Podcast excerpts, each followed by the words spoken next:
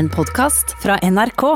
I går så satt jeg og tenkte på hvorfor serien Never Have I Ever rørte meg så utrolig dypt. Altså, jeg elsker den til tross for at den er på en måte en ungdomshumorserie.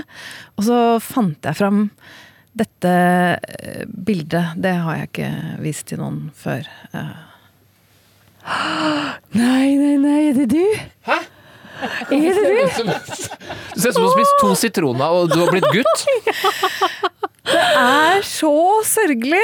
Altså her sitter jeg, En ting er at jeg sitter i en gigantisk eh, rullestol og er 13 år, men jeg sitter også og spruter meg selv i ansiktet med en, en oransje sånn spruteflaske. For At det er liksom bolleklipp og er fuktig? Hvem som, tok, hvem som fikk ideen om å ta bilde i det øyeblikket der, lurer jeg på. Her, her må vi få med oss. det jeg tenkte på da, i forbindelse med serien Never Have I Ever Uff, det er så trist. Det er at hovedrollen Devi også har hatt en periode i rullestol. Så kanskje det er en av grunnene til at jeg liksom hekter meg på og elsker den så høyt. Men jeg tror ikke det bare er det, fordi den er jo på topp i hele verden omtrent på Netflix. Og jeg tror alle finner noe å hekte seg på i den nydelige serien som vi skal snakke mer om. Men først Altså, dette her er jo Kulturstripas første podkast som da destillerer ned ukas beste anbefalinger fra radioprogrammet Kulturstripa, som jo går eh, mandag til fredag på P2. Men dette er da ekstrautgaven hvor vi håper at vi kan gjøre ditt liv bedre med å løfte frem det fineste vi har sett, hørt, lest, opplevd den siste uka.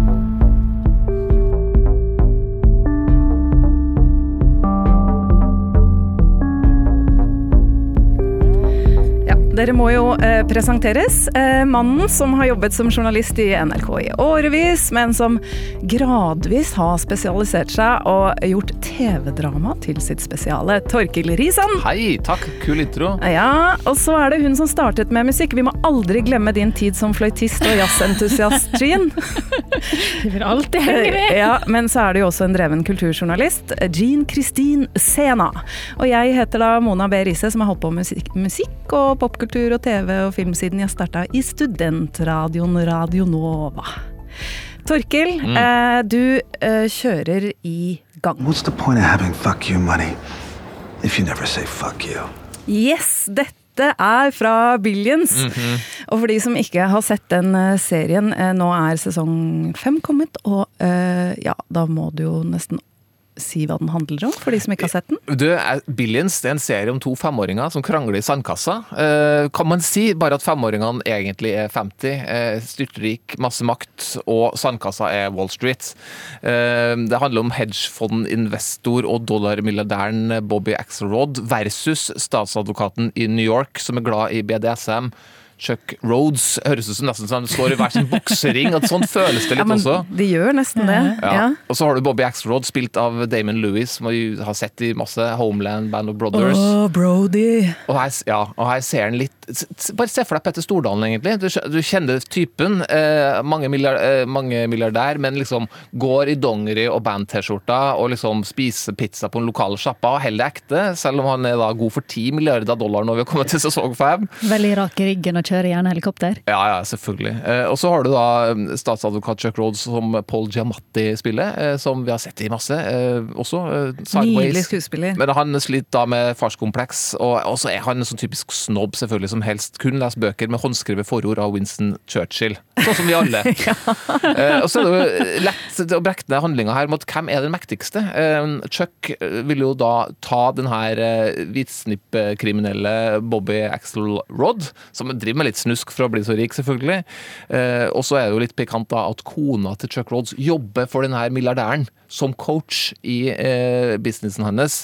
Eh, så, så ja, og når de møtes, særlig i starten av serien, Chuck og Bobby, så er det møter med snertne replikker og mye testosteron, sånn som det her. Well, the kids in my office really thought you might buy that house. And I told them, you got big balls, but not that big. They're right. I'll probably pass. It's so nice, though, you know. Feels like you're part of the beach and ocean. And all that air out there? Shit, you know about it. Your daddy's got a little place out there. He must let you use a bedroom some weekends if you say please. Walk away. I should. But then again, what's the point of having fuck you money if you never say fuck you? Er jo så mye testosteron at det bekker rett og slett over eh, noen gang. Eh, Sånn som også når da Bobby bare blar gjennom den nyeste utgaven av eh, Vanity Fair, river ut et ark med en reklame da, med en modell som han liker, og bare sier 'jeg vil prøve hun her'. Altså, da, da, da er det nesten for mye. Det er, nesten, det er de tingene som gjør at Billions faktisk noen ganger føles som en guilty pleasure for meg. Ja, en guilty pleasure, og hva betyr det Ja. da? Nei, altså det, det betyr jo at jeg sitter med en følelse av at liksom sånn, oh, her er det, noe, her er det noen, noen, måte, noen kvaliteter som, som jeg, ikke bør, jeg ikke har lov å kose meg med. Eh, men eh, Skjønner du hva jeg mener? Er det den SM-en, eller? Nei, det, det, Nei, det, det, det- ikke altså. det, det, det, der, det der mannemann-greia. prøver å si at du ikke bruker, å så river ut bilder og modeller fra blad og sier jo, der tar vel jeg. Nei, jeg, jeg gjør jo ikke det. Men eh, jeg syns jo, jo serien eh, for, for meg eh, passerer veldig. eh, Er, er bare en pleasure. Eh, og kanskje litt fordi den, den også oppleves litt sånn progressiv på andre områder. Sånn som f.eks. at stjerneanalytikeren til Bobby Axelrod, eh, Taylor, er ikke-binær. Eh, og det originale med det er jo at det, kjønnet definerer overhodet ikke karakteren i serien. Eh, henne er bare tilfeldigvis eh, ikke-binær, og, og sånne ting er befriende. Hen er kul. Ja. Ah, hen er glemte hva Alicia hen Det, det jeg liker, er at eh, hen virker som Altså Taylor virker som eh, er hen fordi skuespilleren er det. Mm. Ja. Og det er jo beste, det beste utgangspunktet, tenker jeg. Billions er en eh, serie som på en måte har skapt litt problemer hjemme hos meg. Altså Niklas, min samboer, eh, som jeg kaller han. vi er gift. Men, men, eh, men eh, han elsker den høyere enn alt. Og vi hadde noen veldig fine sesonger eh, hvor jeg syns det var veldig spennende med det eh, maktforholdet. Og jeg er jo egentlig ikke interessert i noe sånn aksjemegling og sånn, men altså alt ble veldig spennende. Mm. Men så eh, ble jeg sliten av eh, at det bare gikk i det samme. Den samme eh, problemet. Altså de to, hvem er best, eller hvem er sterkest. Og så ble jeg også litt lei av at det ble slutt med damene. Og så egentlig av den SM-en, at han ble slått også. Syns jeg også var slitsomt. Men dere, det fungerer hjemme hos dere? Ja, det her er en klassisk aleneserie for meg. Eh, Det er en aleneserie! For ja, det, det det ja, ja. det er det det er blitt hos Nicolas også. Ja, nei, det var fra starten eh, for meg. Jeg, jeg på en måte kjenner mitt publikum eh, hjemme i stua der. eh, Så jeg vet at det her, Men det her er en sånn serie som liksom Det er en fråtseserie. Det, er noe det er noe jeg bare koser meg med. Ny episode, Billions. Det, eh, det er som en Snickers, liksom. Det, det, det er godt, og så har jeg glemt det etterpå. Eh, litt skyld selvfølgelig involvert, men det er pleasure. Uh, uh, ja, men ja, Jean, Jean, du og er- Per, dere ser det. Ja, vi ser det sammen, begge to. Og det er vel kanskje også det, eller for vår del så er det kanskje det at det er en sånn absurd verden vi aldri noensinne kommer til å være i nærheten av, som gjør det liksom litt sånn fascinerende. Ikke det at jeg tror at den verden er sånn nøyaktig på ordentlig, men det er bare veldig sånn artig å se inn i noe helt annerledes. Og så er det litt gøy at man eh, Altså Man holder jo på en måte litt med begge to om hverandre. Eller, eller sånn, Det varierer litt hvem man holder med, og så er det jo hele tiden både bra og dårlig. Ja, det er det jeg tenker dårlig. er veldig fint, at, at folka er komplekse. Altså, de, de er ikke rent onde, rent snille. Nei, altså vi er ikke på um, Succession-nivå når det kommer til liksom mørke i karakterene og sånn, som en serie man kan liksom sammenligne, for det handler om rike folk i New York. Men eh, nei, altså det er jo rett og slett eh, Det som gjør det til en skikkelig bra serie, er jo først og fremst skuespillet, syns jeg, men så er det jo graden av underholdning er så høy, fordi sånn som de milliardærene leker, da, de gjør så mye sjuke ting som bare er artig å se på. De spiser på de restaurantene du har lyst til å spise på. De, eh, altså, ikke at jeg nødvendigvis har lyst til å gjøre det, men liksom sånn, hvis de skal få litt aggresjon, så har de et rage room, en sånn leilighet som du bare kan knuse for å liksom, selvfølgelig knuse, for å få ut litt, få litt utløp. Eller du kan sette deg en gravemaskin og knuse ekte biler. Det er sånne ting som er, som er helt ko-ko, men som, som gjør serien ja, men det er morsom å se. da. Ja. Uh, men, så har den, den har noen sånne ting også, som at alle, som, alle figurene, er alle på aksje-hedgefond-firmaet, sånn, snakker i popkulturelle referanser. Altså liksom, du, du drar sånne filmreplikker. altså Du har sånne hele, hele replikkvekslinger som bare er film, film, film, film, som jeg tror veldig få på Manhattan faktisk snakker eh, når de er på jobb. Veldig få generelt. Mens TV-serieforfattere de skriver veldig sånn, så jeg, så jeg tror på det. Altså, liksom, kona til Chuck kommer med sånne Wilco-referanser. Nei, det, det er den 45 år gamle screenwriteren som har skrevet inn Wilco-referansen. Ja. ja, men eh, sesong fem, eh, er det noe vi må vite før vi går i gang, hvis noen ikke har gjort det? Ja, eh, kan du si på en måte at alliansene de bytter jo hele tida. eh, Og den, eh, jeg, jeg, klarer å holde på en måte, akkurat hvor, hvor de står her nå, men jeg tror ikke jeg skal røpe ting. For hvis det er noen som hører på det her og har lyst til å sjekke ut sesong én, så, så skal jeg ikke si hvordan, eh, hvordan alliansen bytter frem og tilbake. Men eh, det skjer hele tida, i hvert fall. Ja, og De fire første sesongene ligger i sin helhet på HBO Nordic. Eh, Sesong fem starta denne uka, og så kommer det da nye episoder av Billions hver mandag fremover. Ok, Jean. Den podkasten du skal anbefale, har fått meg til å ligge våken om natta. Jeg er skremt og begeistret på en gang. Take a spin, now you're in with the techno set. You're going surfing on the internet. Yeah! Bare Catchy, on the internet! Velkommen til internettet, Ja, Jean. Dette var altså fra eh, podkasten The Rabbit Hole. Ja, men først så må jeg bare spørre dere. Eh, så Har dere noen gang tenkt over hva YouTube-historikken dere ville ha sagt om personlighetene deres? Eh, ja, jeg tenker på det hver gang jeg åpner YouTube, fordi da ser jeg jo på høyresida der eh, hva slags type videoer YouTube har skjønt at jeg er glad i. F.eks. mye gamle eh, skåringer fra 90-tallet innen fotballens verden. Der får jeg mye bra tilbud. Jeg har nettopp gått det P- Paci- hva heter det? da? Pacific Crest Altså det er liksom, Du går den stien fra Mexico til Canada, hvor det liksom er noen som har filmet den liksom hele veien. Det så jeg Det er sånn hele minutt for minutt. Altså en, en gangvei. Ja, ja, ja. ja, ja, ja, ja, ja, ja, ja, ja. Og da får du liksom mye mer sånn derre gå herfra til dit og sånn, så, så jeg liksom liksom går på sånne, sånne turer.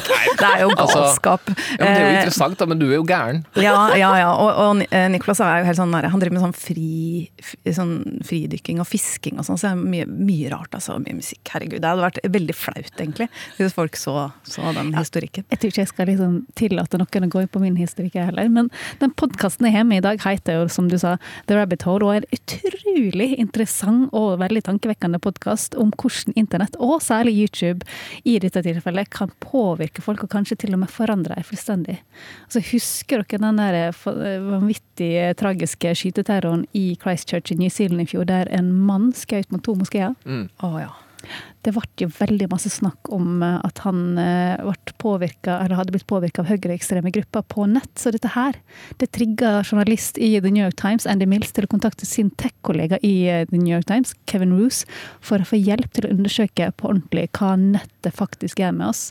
Og veldig flaks for han, så hadde jo Kevin Roose allerede begynt på egen hånd, eh, uten å vite at eh, Andy Mills var interessert i det. Så han hadde allerede kommet i kontakt med en fyr som da er et veldig godt eksempel på hvor langt denne påvirkninga faktisk kan gå. So we drove down to West Virginia where he lives. Hey, how's it going? All right, great. He's standing right there. He's on his headphones. Big smile. Nice to meet you guys. Hi, Andy. This is Andy. Andy. I, uh, I'm going to stick a microphone around you. That's fine. He's got a Gorillas t-shirt on. Hey. He says hi and brings us into his friend's house. Hi, I'm Kevin. Nice to meet you. Thank you for letting us crash your, uh, your house here. And the first thing he does is I'm gonna Just set this over here. Can you describe what it is that you're setting down? Uh, a Glock 43. pull out his gun. Is that the first time you've Had a gun? I've liked firearms my whole life. I'm not against firearms, but yeah, that's. I've always been like, well, I don't really need one.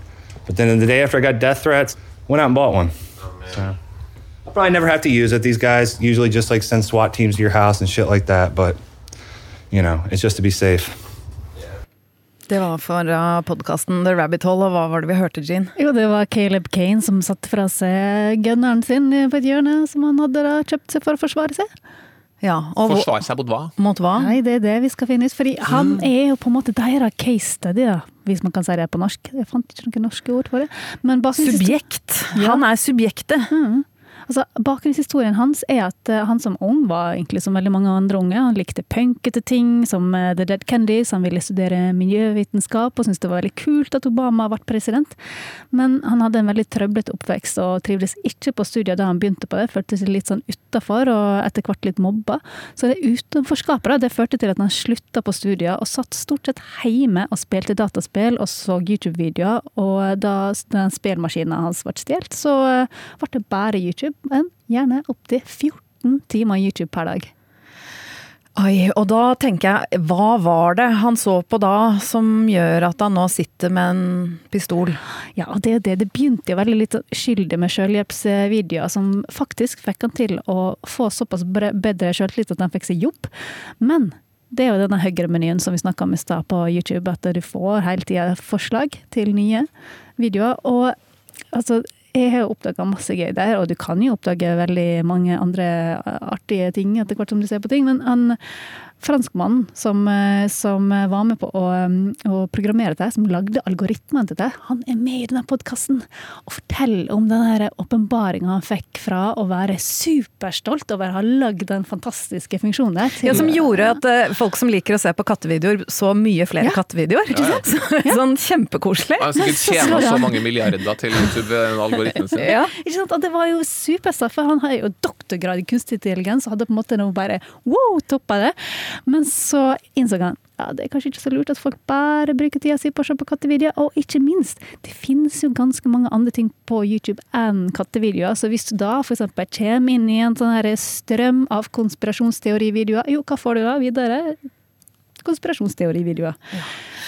Og det som jeg syns var så spennende i The Rabbit Hole, det er jo at han begynner å se liksom ikke noe dårlig ting. Og han prøver liksom Eller det er liksom selvhjelp og, og Hva heter han? Rogan? Eh, Joe Rogan er veldig mm. opptatt av Herregud, jeg har en hjemme som ser Joe Rogan, og jeg blir liksom livredd for hva som kan Hva som kan, hva som kan spinne altså, videre altså, ut av det. Det er ikke mange knepp unna Joe Rogan før du kjøper kønner, altså. Nei, det er det, det, er det. Ja, nemlig. Og det er jo det altså, han, eh, Guillaume, han eh, franske som, som rett og slett programmerte dette her, han møtte møtte en tilfeldig mann på bussen som satt og så på sånne konspirasjonsvideoer, konspirasjonsvideoer på YouTube og sa til Guillaume ja, men når det er så mange videoer om dette, her, så må jo det være sant.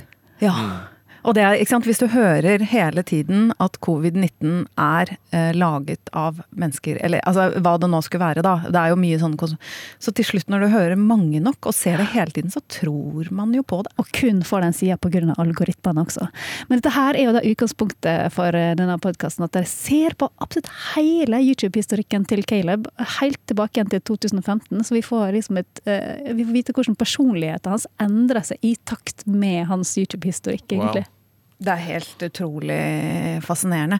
Eh, de sier i podkasten at hver eneste dag så blir det spilt av 140 000 år.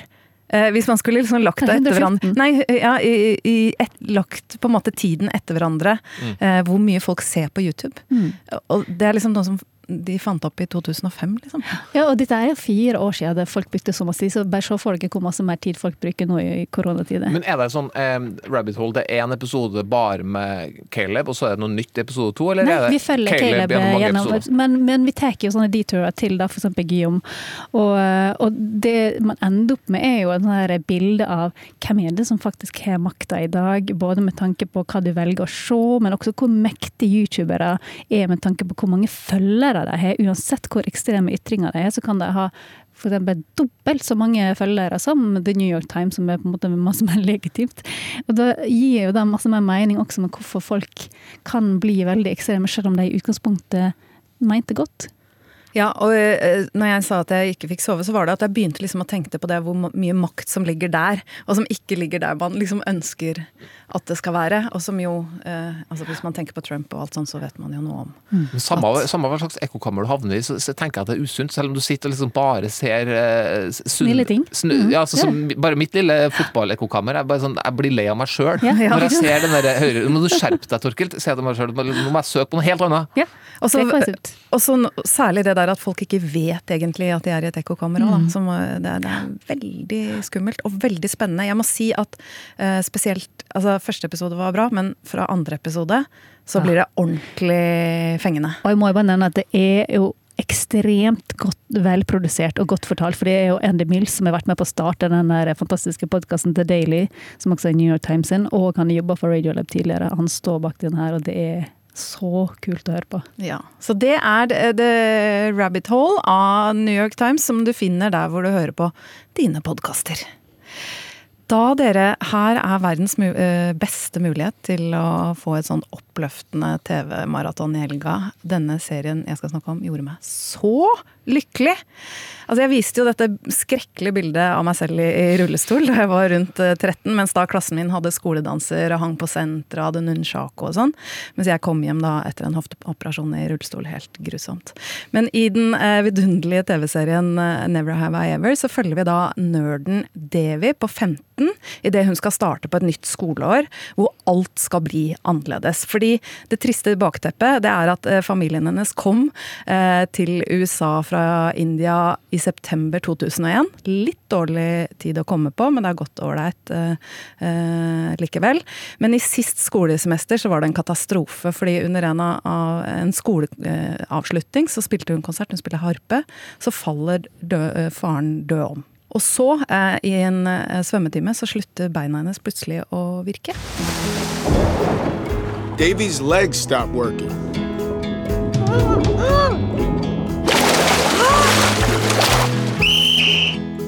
There was no medical reason why, but they were definitely not working. And now she was in a wheelchair.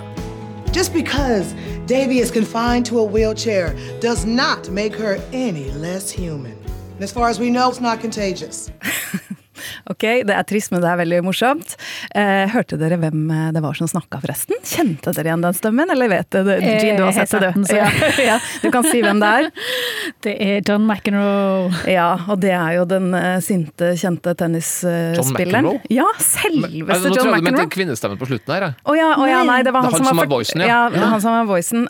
Det er jo tennisspilleren Ja, ja, ja. selv som spiller seg selv. Han har vært forbilde til faren til Devi, og han har samme temperament som Devi selv. Hvordan er det egentlig nerder beskrives sånn vanligvis i serier, eller hvordan tenker man at de er? Altså, jeg tenker de ofte var sånn som jeg var sjøl i ungdomsskoletida, med tannregulering, eh, streng eh, Ja, det er jo samtidig. Briller. Sosialt utilpass. Ja, og litt sånn klønete og ja. Og ofte litt stille. Eh, men, men det som er med Devi, det er at hun er, hun er på en måte ikke stille. Hun er selvfølgelig veldig smart, det er også nerd. Eh, og så er super usannsynlig at hun skal få seg noe kjæreste. Eh, Men nå er det da dette nye året og nye muligheter.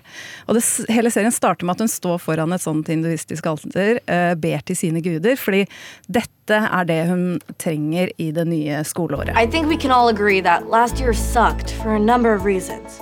So I thought of a few ways you guys can make it up to me. One, I'd like to be invited to a party with alcohol and hard drugs. I'm not gonna do them. I just like the opportunity to say, no cocaine for me, thanks. I'm good. Two, I'd love for my arm hair to thin out. I know it's an Indian thing, but my forearms look like the friggin' floor of a barber's shop.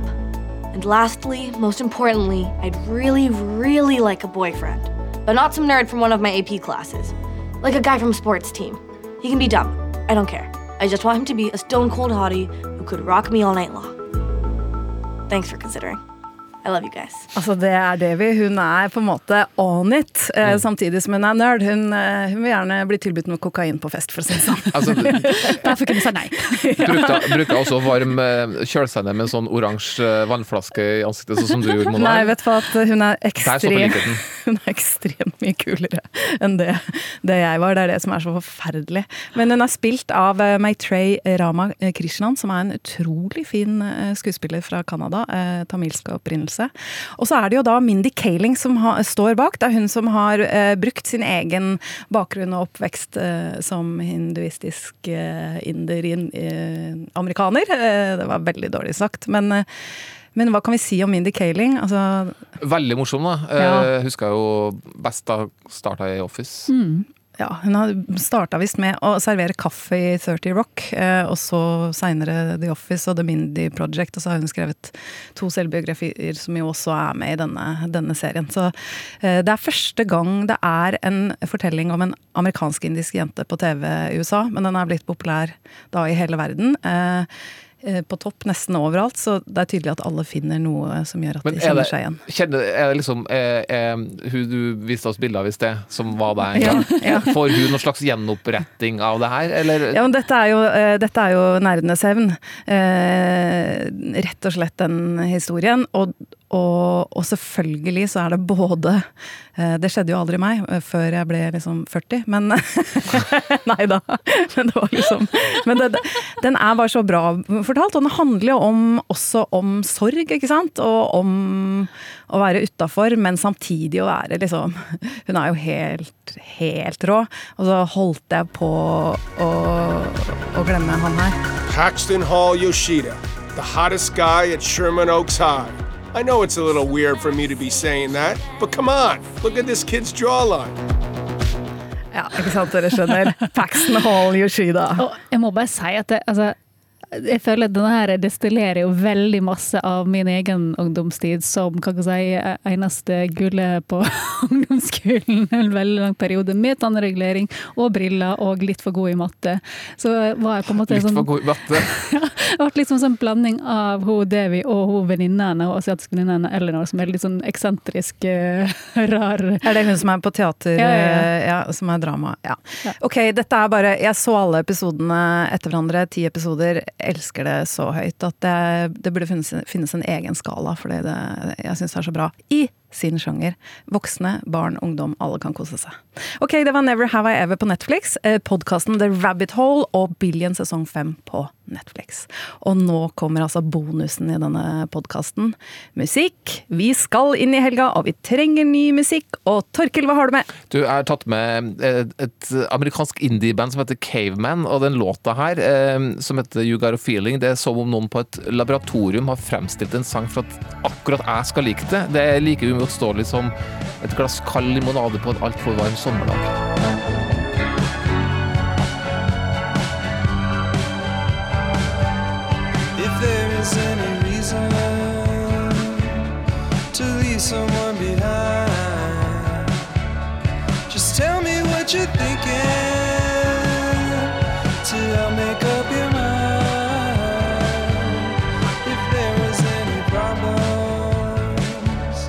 Or something I could do, just keep it to yourself now. It's not good enough for you.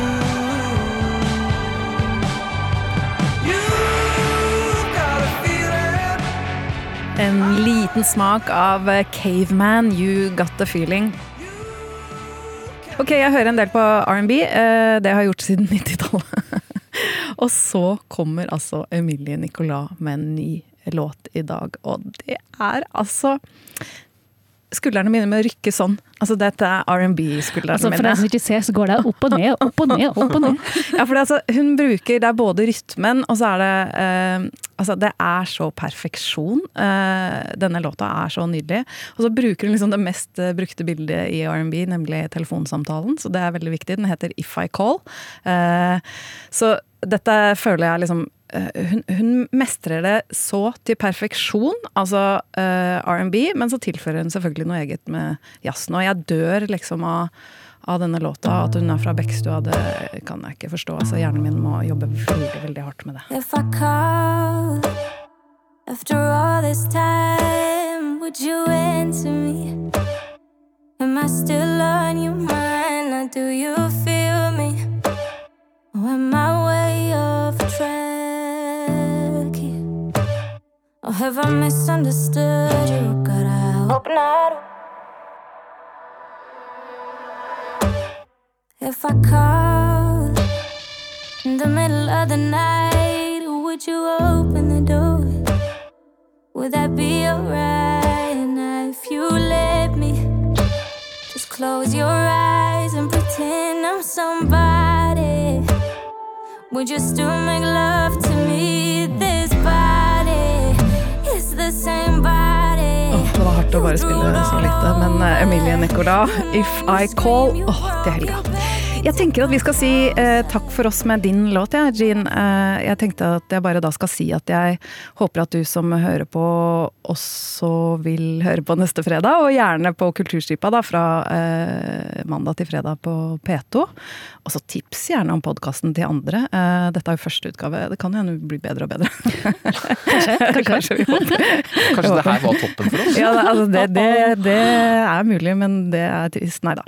Ok, Jean. Eh, hva skal vi avslutte med? Jo, i dag hørte jeg noe som jeg aldri har hørt før. Eh, bare Andy heter han, og så prøvde jeg å finne ut hvem er han. Si det, si det en gang til. Bare Andy. Bare Andy? Bare Andy. Aldri hørt om han, og fins ekstremt lite informasjon om han på internettet. Det, han er bare én låt ute på Spotify. Og jeg fant bare en helt ny Facebook-side, altså kun han sjøl som liker den. Og en litt sånn rar Instagram-konto som tydeligvis har vært eh, der. Kunne man da finne ut Å ja, han har gitt ut én låt før, som heter under navnet Andy Pandy, for tre år siden. Men det var et eller annet veldig sånn Jeg tror Og det kvitta seg med Pandy nå, bare Ja, Andy. bare Andy, ikke Andy Pandy. Det ble Ja, liksom jeg tror- Jeg tror det var et godt, godt valg.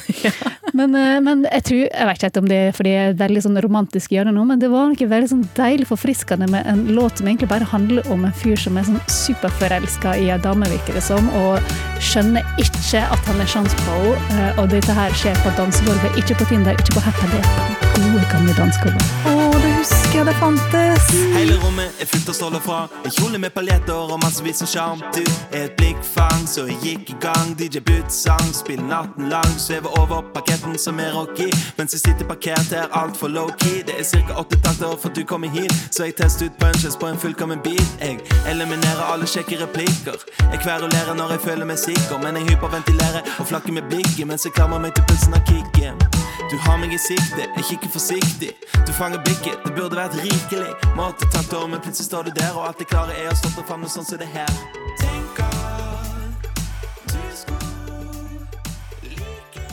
Du har hørt en podkast fra NRK. Hør flere podkaster og din NRK-kanal i appen NRK Radio.